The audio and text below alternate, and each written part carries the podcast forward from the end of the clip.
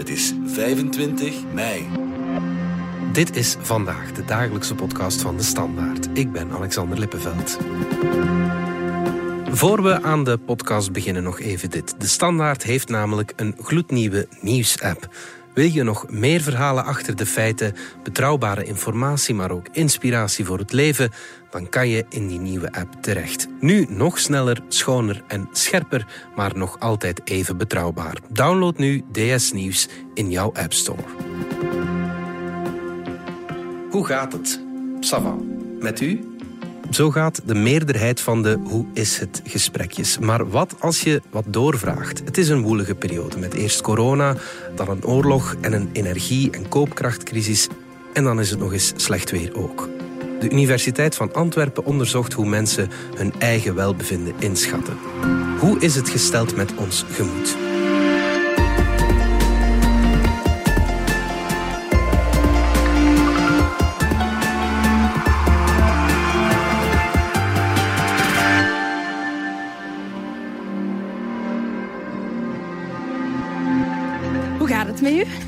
Supergoed. Eh, redelijk goed, zou ik zeggen, op het moment.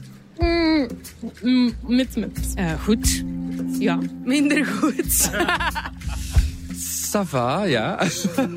Goed, goed. Gewoon ronduit, gewoon goed. Zonder meer. Nee, nee, eigenlijk heel goed. Heel goed. Als u een score op 10 moet geven voor uw mentale gezondheid, wat zou u dan geven? Enkel aan dat scores geven dat je de dag van vandaag moet doen.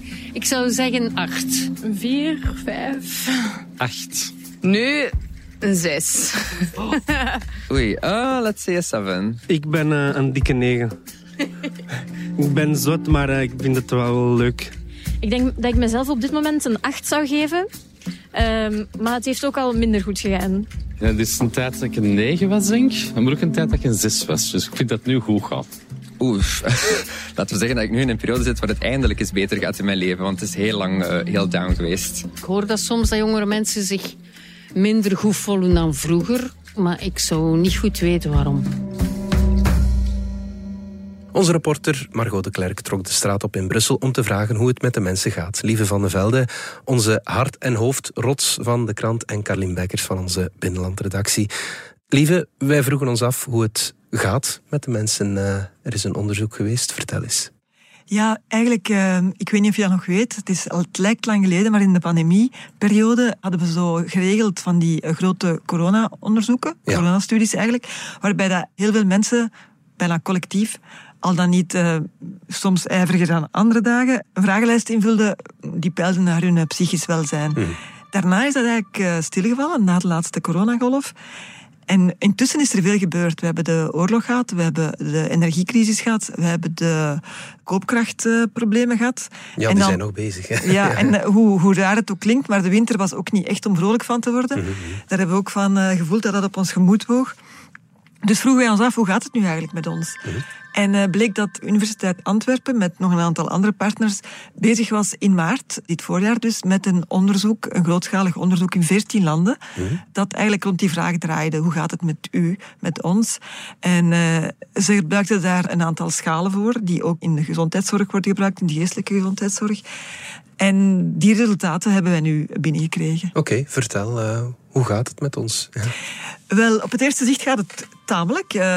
Als je kijkt naar de score die de mensen geven aan het leven, de Belgen geven aan het leven een score van 6,93. Dus dat is op een, op een rapport, zou je zeggen, net, eh, net geslaagd. Ja, ja, va dus. ja, ja, ja. Een voldoende. Een voldoende, ja, ja. Maar als je dan kijkt, ja, dat is niet meer of niet zo heel veel minder dan in volle pandemieperiode. Dus op dat vlak zijn we niet echt vooruit of achteruit gegaan.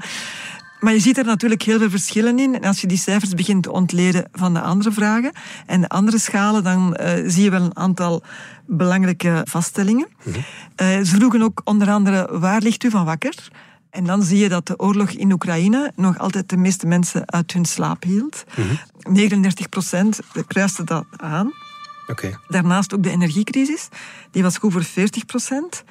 En dan de klimaatverandering, maar dat is volgens de onderzoekers een, constante. Dat is altijd al rond de 20 procent, 27 procent. Ja. De pandemie werd nog maar 4 procent aangekruist. Ja, Dus dat is, ja. eh, Die onderzoekers hebben ook gekeken naar de, de verschillen tussen de mensen, dus in hun steekproef.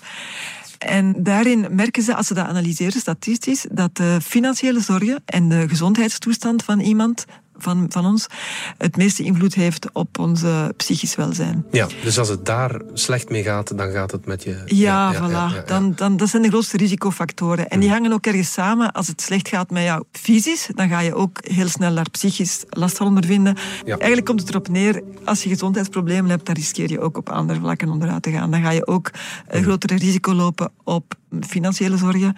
En dan ga je ook groter risico lopen op uh, depressie. Ja, oké. Depressie, dat is natuurlijk nog iets anders dan je psychisch slecht voelen. Hè? Dat, dat, dat is nog een stapje verder. Ja, inderdaad. Als wij zeggen van, oh, ik heb een baaldag, dat is erom nog geen depressie. Hè? Een depressie is als je je echt uh, dagen of weken aan elkaar echt niet meer ziet zitten. Als je echt de symptomen hebt van een klinische depressie. En ja. dat gaat al wat verder. En daar peilt die vragenlijst ook naar.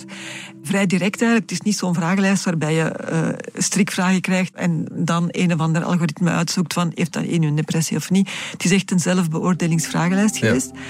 En daaruit bleek dat vooral bij de jongeren de gevoelens die wijzen op depressie toch nog frequent voorkomen bij 20% van de twintigers. Oké, okay, ja, dat is bijzonder veel. Uh, ja, dat is veel. Je ja, ziet dan ja. eigenlijk dat, dat bij de oudere leeftijdsgroepen je neemt dat heel hard af tot, tot 7% of 6% bij de 70-plussers of zo. Margot vroeg de mensen op straat hoe het volgens hen komt dat jongeren zich minder goed in hun vel voelen.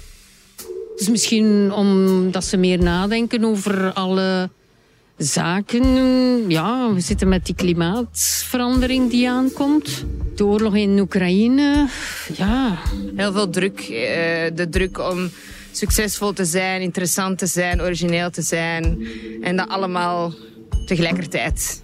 Social media, zou het met te maken hebben? Met sociale media. Ik merk dat dat echt heel slecht is voor mijn mentale gezondheid. Maar dat is gewoon een manier om in contact te blijven met vrienden en mensen die je niet vaak ziet. Dus een beetje dubbel. Ik denk dat we ook zo in een tijd aan het komen zijn waarin we zo effectief ook kunnen worryen over ons individueel zelf. Wat dat ook wel veel meer mentale energie vraagt. Daarvoor was dat gewoon, oké, okay, ik volg de kudde. Ik had dat vroeger niet op jullie leeftijd. Hetgeen dat jullie nu beschrijven. Dus het gevoel van druk, dat is precies... In mijn, in mijn beleving alleszins dat geen topic en geen issue. Er is altijd wel een beetje een taboe geweest hè, rond mentale gezondheid. Ik denk dat dat nu wel minder is als vroeger. Dus dat mensen nu sneller hulp zoeken. Vroeger, als je een burn-out had of uh, dat je ruimte nodig had, dan bestond gewoon niet. En nu, je hebt daar wel tijd. Zelfs de werkgever laat u ook naar een psycholoog gaan. En die laat jou, jou ook tijd nemen. En vroeger niet. Het zou ook geen dat, dat dat met te maken heeft. Doordat het bespreekbaar is geworden, dat het er ook is. Ik heb, ik heb een dochter van 21. De gesprekken die ik met haar heb, zijn toch van een ander kaliber dan de gesprekken die ik met mijn ouders had. Qua emotionele openheid en diepgang en, en praten over gevoelens en dat echt met haar is, ja, dat is van een compleet andere orde. Mijn grootouders dat ook als er een gesprek was, meer afgebakken. En je, je kon eigenlijk niks zeggen om uiteindelijk waar is slechter dan hoe je het was ervoor. Ik ben dik 20 jaar ouder dan die twee uur. Ik voel mij een beetje aangesproken nu of zo. Hebben wij het opgefokt voor jullie? Of wat? Jij zet het probleem. Ik denk het, hè? Ik denk het, hè? De onderzoekers ze hebben daar natuurlijk verklaringen voor, die wij ook al vaak in de krant hebben geschreven. Je hebt de sociale media die druk leggen op de jongeren. Je hebt ook, in dit geval ook, in dit onderzoek blijkt ook de financiële crisis, die ook jongeren in een uh, onzekere uh, toekomstsituatie brengt. Maar volgens uh, Chris van den Broek, de psycholoog van de UA, speelt ook nog altijd een post-corona-effect mee. Door die lockdowns en door die sociale isolatie hebben heel wat jongeren, dus zeker studenten en zo, zich niet kunnen ontwikkelen, sociaal kunnen ontwikkelen zoals eigenlijk optimaal zou moeten gebeuren. Hmm. Je hebt eigenlijk in die leeftijdsgroep heb je andere contacten nodig en peers nodig om je aan te spiegelen, om uh, mee te experimenteren om je ook mee te identificeren, om te spelen met je identiteit. Hmm. En uh, dat is eigenlijk een beetje in gebreken gebleven. Ja, en dat ja. zou nog wel kunnen naspelen. Ja. Wat dat ook kan spelen, is dat een generatie jongeren natuurlijk iets mondiger en iets opener is geworden over psychische problemen en daar ook minder een taboe in ziet en dat ook minder voor zichzelf gaat verhullen. Dus ook iets makkelijker gaat aanduiden en op zo'n vragenlijst van dat ze effectief last hebben van stemmingstoornissen. Carlien, jij trok samen met Ot naar een school. Mijn ouder heeft eigenlijk, zolang dat ik jullie in dit net vond, ik was 15, 16 jaar. En um, ik zat op in school en op die school Dus Ot, dat is iemand die vertelt over hun psychisch welbevinden en daar met leerlingen over in gesprek gaat. Vertel Ja. eens, hoe, hoe was dat? Dat was heel in- toch een beetje intens, vond ik eigenlijk. Het was heel interessant om te zien. Ot is iemand die zelf ook al wel wat struggles heeft gehad. En die komt daar dus op die school over vertellen aan leerlingen die 15, 16 jaar zijn ongeveer. En het eerste wat mij opviel was dat die klas wel heel stil was. Ja. Die heel goed aan het luisteren waren. Dus dat, dat viel wel direct op. Dat kwam natuurlijk ook omdat Ot is ook zelf in opname geweest en vertelt daar dan over in die klas. Dus dat is wel een heel mooie, een heel mooie en serene getuigenis zoals, eh, zoals die dat brengt. toen ik ehm 15, 16 jaar was, en ik op dat moment struggelde ik een beetje met, eh, met mijn eigen allee, mentaal welzijn op dat moment. En ik zat op een school waarbij dat, heel erg taboe was. Dus Als je je niet zo goed voelde, dan was er echt geen ruimte om daarover te spreken. En niemand om je echt op te vangen. Dus ik vind het belangrijk dat jongeren nu wel andere ervaringen horen. En dat ze weten dat het oké is om daarover te spreken. En ook dat het oké is om hulp te zoeken. Ot probeert dan eigenlijk die jongeren handvaten te geven van oké, hoe ben ik daar nu mee omgegaan en wat kan voor jullie misschien ook helpen. Maar ook gewoon simpelweg de taboe waar we het over hadden al, van het is niet altijd gemakkelijk, om dat een beetje nog meer te doorbreken. Een van de dingen dat, dat hij zei was van er is altijd wel iemand die je gaat kunnen helpen. Probeer altijd er wel over te praten. En als je praat, probeer dan ook door te praten. Niet gewoon te zeggen, ik voel me niet goed. Of ehm, ik zit met dingen, maar waarom is dat dan zo? En waar kan ik hulp gaan zoeken? Wie kan mij misschien helpen om daar verder over te praten? Dus dat was wel een heel interessante, een heel interessante dag. Ja, en, en werkt dat dan ook, dat, dat taboe doorbreken? Praten die jongeren dan over, over zichzelf of was dat moeilijk? Ach, het hangt echt heel erg af van klas tot klas. Ik heb eh, twee klassen gevolgd. De ene klas was meer terughoudender. Eh, had ik niet het gevoel van... ey, was het niet altijd heel duidelijk van... Ja, wat denken ze nu eigenlijk? Wat vinden ze hier nu van? De andere was wel heel open. Dus die jongeren vertelden op het einde ook van... Ja, ik heb zelf ook angststoornissen. Iemand die zei van... Ja, ik ga ook waarschijnlijk in opname gaan. Jongeren die zeiden van... Ah ja, ik pak ook antidepressiva. Dus heel open. Die andere klas wat minder. Maar ook daar bleek wel uiteindelijk dat ze, het, dat ze er wel iets aan hadden. Omdat op het einde van de les eh, mogen ze briefjes achterlaten voor Ot. Met een boodschap van wat ze ervan vonden. En daaruit bleek dat ook in de klas die stiller was, dat daar wel echt jongeren waren die er zelf echt mee worstelden. Die opschreven van, ik denk dat ik zelf ook een angststoornis heb. Of ik heb al paniekaanvallen gehad. Ik worstel met de druk van sociale media. En dat die dat wel aangaven, zo van, dat jij hier bent komen spreken, dat geeft mij wel perspectief. En dat helpt mij om, te, om misschien een volgende stap te willen zetten. Om na te denken over wat ik kan ondernemen om beter in mijn vel te zitten. Ik weet wel, bij mijn vorige getuigenis was er een jongen die na de les is komen spreken over zijn eigen thuissituatie. En dat hij heel veel zaken die ik had verteld wel herkenbaar vond. En dat hij nu wel zoiets had van, oké, ik, ik ben niet alleen en het ligt niet aan mij, maar eerder aan de context waarbinnen ik verblijf. En dat hij wel ook met eh, het CLB ging spreken over eventueel een psycholoog te zoeken. Dus dat, dus dat mijn verhaal hem wel echt had aangezet tot het zoeken van hulp. En dat hij zich vooral gehoord voelde. Carlien, wij zijn jonge dertigers. Wij zaten een eh, kleine 15 jaar geleden eh, op school. Toen werd daar totaal niet over, over gepraat. Hè. Hoe is dat zo veranderd doorheen de jaren? Hoe dat, dat zo veranderd is, ik denk dat er inderdaad wel meer bewustzijn is. Ze spreken er denk ik wel opener over. Ik vond dat bijvoorbeeld ook, omdat je, komt daar, je zit daar als journalist uiteindelijk nog eens bij, als buitenstaander, het feit dat die jongeren daar dan over wouden praten, dat vond ik wel heel opvallend. Ik denk niet dat ik het op die leeftijd had gedurfd. Dus er is een bewustzijn, ze, zijn er, ze denken er meer over. Ik denk ook wel het, het feit van corona, inderdaad, dat dat ook wel speelt. Dat we meer thuis zaten met z'n allen. En dat dat voor gezinnen waarbinnen dat de, dat de dynamiek niet zo gezond is, dat dat niet zo ideaal was. Want dan zat je nog meer bij elkaar. En dan houdt die, die dynamiek nog meer in stand, denk ik. Dus dat dat een knak gaf, dat is ook iets wat dat de leerkrachten achteraf zeiden. Van, ja, we zagen wel dat het al jaren in een stijgende lijn zit. Dat er jongeren zijn steeds meer die worstelen. Omdat we wel veel druk voelen van, van hun context van de maatschappij. Of de manier waarop dat wij leven. Ehm, ze moeten dan gaan nadenken over een studiekeuze. Uh, of ze moeten al beslissen wat ze later willen doen van werk. Ze moeten zich focussen op examens. Dus ze leggen zichzelf heel veel druk op. Maar ook hun thuiscontext, die vaak niet zo gezond is. Uh, soms zelfs een beetje alarmerend. En dat corona zo'n soort van de druppel was die de emmer deed overlopen. Dat het al wel iets was wat daarvoor speelde, maar dat daardoor heel veel jongeren ja, in heel lastige situaties zaten. Dat ze hun vrienden niet konden zien, maar ook als er dan een lastige thuissituatie is of was, ja, er was niemand waar dat ze mee konden gaan praten. Dat, Dus ze waren heel geïsoleerd en dat heeft wel een, een effect gehad. De leerkrachten zeiden zelf ook, net als de jongeren, van ja, dat ze nu pas soms beginnen heel erg voelen wat dat daar de lange termijn implicaties van zijn. De jeugd die normaal gezien zorgeloos zou moeten zijn, wat bij mij toch het uh, geval was, ik weet niet hoe dat bij jullie zat, die, die, ze hebben niet eens de kans gehad om, om het ja, zo te zeggen. je hebt dat ook vaak gezien in de stukken die we schreven over de studenten, hè, dat die in hun eerste jaar, ja, een jaar waarbij je normaal gezien de grote stad ontdekt en, uh, en op kot gaat en, en gaat fuiven en nieuwe mensen leert kennen, ja, iedereen zat gewoon thuis, van zijn computer lessen te volgen. Dat is natuurlijk een heel ander scenario dan uh, de complete vrijheid, met al wat erbij hoort. Hè. Ja, ja, merk je dat ook in eenzaamheid uh, bijvoorbeeld, hoe mensen zich daarop beoordelen? Uit dat uh, onderzoek blijkt dat toch nog altijd 17% van de mensen eenzaam is. Mm -hmm.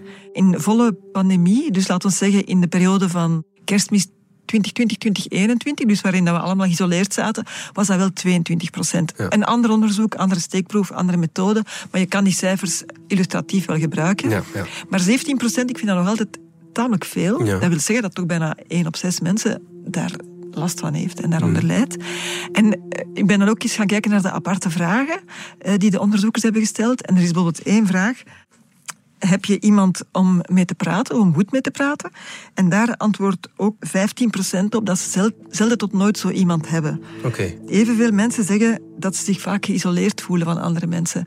Als je dat ziet in een grafiek, dan is dat Maar als je daarover nadenkt, van ja, één op zes mensen die zich echt geïsoleerd voelen, ik vind dat wel kwalijk en ik vind dat echt wel uh, dat dramatisch. dat is veel. Ja, ik vind dat ja, veel. Ja, ja. Ja, dat is absoluut veel. Um, en zien we ook een verschil tussen mannen en vrouwen bijvoorbeeld, los van die eenzaamheid? Nee, als je kijkt naar de, naar de grote proef, de, de grote steekproef van internationaal, dat zijn 14.000 proefpersonen, daar zie je het wel. In de Belgische steekproef zie je het niet, is het verschil niet significant.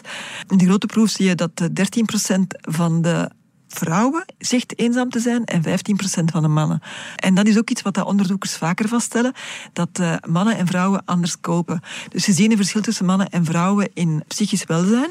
Dat bij vrouwen worden iets meer depressie en minder veerkracht vastgesteld en ook iets meer sociaal-psychisch onwelbevinden. Maar in andere onderzoeken zien dat mannen zich meer in gedrag gaan, gaan afreageren als het niet gaat. Bij mannen zie je meer alcoholisme, meer suïcide ook. Dus daar zitten wel verschillen in. En vrouwen gaan in hun copinggedrag ook makkelijker naar anderen en om hun zorgen te delen. Dus vandaar dat zij ook socialer en misschien op grotere schaal iets minder eenzaam zijn. Leek dat op die scholen ook zo, dat meisjes ja. meer... Uh, ja, het waren ja. eigenlijk bijna alleen maar meisjes die aangaven dat ze worstelden. Mm -hmm. uh, er was in de twee klassen één jongen die, die aangaf van... Ah ja, ik, ik worstel ook wel met problemen, ik, uh, ik, ik heb het moeilijk soms. Maar al de rest waren meisjes. Terwijl dat, als je dan achteraf de briefjes leest, dan merk je dat als het als het moment waarop dat het anoniem kan, dat ze wel aangeven van oké, okay, ik worstel ook wel met dingen. Dus ja, dat, dat viel wel op. Mhm. Ja, het is eigenlijk, om het, om het simpel te zeggen of anders te zeggen, vrouwen interioriseren en mannen exterioriseren. Dus vrouwen klappen naar binnen en, en beginnen ja, zichzelf op te vreten eigenlijk. En mannen gaan uh, via hun, hun outing en via hun drank en via, via drank en, en via, misschien ook via sport Mhm. meer, meer dan, dan vrouwen uh, hun problemen en hun demonen bevechten. Ja, oké. Straks kijken we naar hoe we het uh, internationaal doen, zeg maar. Maar eerst gaan we er even uit voor reclame. Podcast De Zuivele Waarheid. Hoe zit het met het spanningsveld tussen klimaat en landbouw? En wat kunnen wij als consument zelf doen?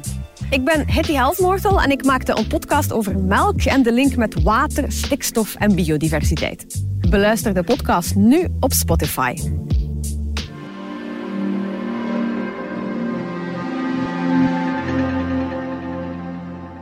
Lieve, terug naar het uh, psychisch welzijn dan. Je zei het al, het is een internationaal onderzoek. Hoe doen we het als land? Uh, ja, we zitten niet in de top, laat ik het zo zeggen. Mhm. Um, uit het onderzoek blijkt dat um, België samen met Italië en Spanje eigenlijk de meeste slechte gemiddelde haalt. Okay, ja. uh, en dan vooral over veerkracht, uh, algemeen welbevinden en eenzaamheid. De slecht scorende zijn de Britten. Dus de UK, en dat zou ook kunnen kloppen ja, als je kijkt naar de financiële crisis. De brexit zal er ook wel een rol spelen. De, Zij hebben ook heel zwaar uh, coronatol betaald. Mm. En de gezondheidszorg de die gezondheidszorg, daar ja, bijna voilà. ineens Dus daar, ja, ja. daar wel. Volgens Sarah van de Velde, een sociologe van de UA, zegt ze dat dat is dat een typisch fenomeen dat uh, landen in uh, Zuid-Europa en Oost-Europa, die dus hier niet in het onderzoek zaten, de Oost-Europese landen, het altijd slechter doen dan de Scandinavische landen en Noordwest-Europese landen. Omdat uh, zij ziet een verband tussen de ongelijkheid tussen mannen en vrouwen en de psychische welzijnscijfers in een land. Hoe Ja. meer verschillen er zijn, hoe grotere verschillen er zijn tussen mannen en vrouwen, sociaal en politiek en, en economisch, hoe uh, slechter het is voor het uh, psychisch welzijn. Mhm.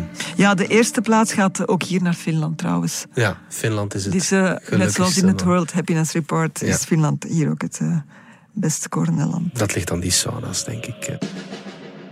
Er staat vanaf vandaag ook een, een testje op onze website standaard.be. Hoe gaat het met u, heet die test.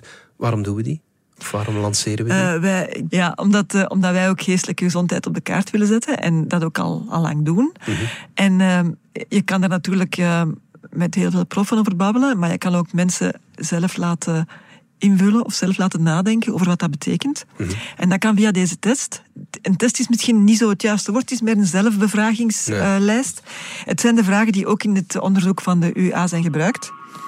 Het zijn dus vragen over welbevinden, depressie, depressieve gevoelens eerder, veerkracht en eenzaamheid. Ja. Je kan die vragen doorlopen, uh, telkens in blokjes van zes tot uh, negen vragen. Als resultaat krijg je dan een vergelijking met de mensen uit de steekproef. Mm. Dus je kan jezelf afzetten tegen de resultaten van het onderzoek. Je kan dus zien, tja, ik ben een 30-jarige man. Uh, hoe scoor ik op eenzaamheid tegenover mensen van mijn leeftijd? Mm, mm. Het zet je vooral tot nadenken. Uh. Het zet je tot nadenken. Ja. Het is ook geen diagnose-instrument. Nee. De test geeft wel een idee van hoe dat je u voelt de laatste weken. En of dat er misschien iets kan aan gedaan worden. Of je misschien stappen moet zetten. Of misschien eens naar de huisarts moet gaan. Of dat je misschien uh, goed bezig bent en zo voortdoet. Ja, en, ja. Of misschien nog beter. En, dus voilà, het is, het is wat het is. Maar het is wel interessant om eens jezelf te assessen. Ja, ja, tuurlijk. Ja. Tot slot. We kunnen wel concluderen, denk ik, dat het redelijk goed gaat met ons in het algemeen. Maar dat er een toch vrij grote groep is waar het minder goed mee gaat. Het is misschien een hele podcast of zelfs een hele podcastreeks op zich. Hè, maar hoe moeten we daarmee omgaan? Wat kunnen we daaraan doen, zodat wij Finland aftroeven uh, in het volgende onderzoek? Ja, ik denk dat er zo heel veel speelt. Ik denk ook niet dat dat zomaar met een, met een magisch recept valt op te lossen. En uh, bijvoorbeeld eenzaamheid. Ja, het is raar dat bijvoorbeeld eenzaamheid in Nederland minder groot is dan, dan in België. Terwijl we buurlanden zijn, hetzelfde klimaat, andere ruimtelijke ordening. Dus het kan daaraan liggen, het kan liggen aan de inplanting van het dorp, het kan liggen aan, aan, aan de aard van de mensen. Er speelt zoveel. Mm-hmm. Maar ik denk dat we in de eerste plaats moeten zorgen voor een goede bewustwording en voor een eerste lijnsopvang. Dat, dat mensen weten dat ze bij de huisarts terecht kunnen en dat de huisarts daar ook tijd voor krijgt en ruimte voor krijgt, waar nu al een groot probleem is. Mm-hmm. Huisartsen hebben al handen tekort. En dat die eerste lijn ook op andere vlakken wordt uh, uitgebreid. En, en ja, dat er iets aan de wachtlijsten gedaan wordt. En dat mensen misschien gewoon ook alerter zijn voor elkaar en empathischer worden. En misschien iets minder naar hun scherm kijken en niet meer naar elkaar. Goed, Lieve van de Velde en Carlien Bekkers. Dank jullie wel. Graag gedaan. Dit was vandaag de dagelijkse podcast van De Standaard. Bedankt voor het luisteren. Volg ons op Spotify, Apple Podcast of eender welk ander podcastplatform. In onze gratis FDS podcast kan je niet alleen ons werk beluisteren, maar ook de beste podcasttips terugvinden. Alle credits van de podcast die je net hoorde vind je op standaard.be-podcast. Reageren kan via podcast.standaard.be.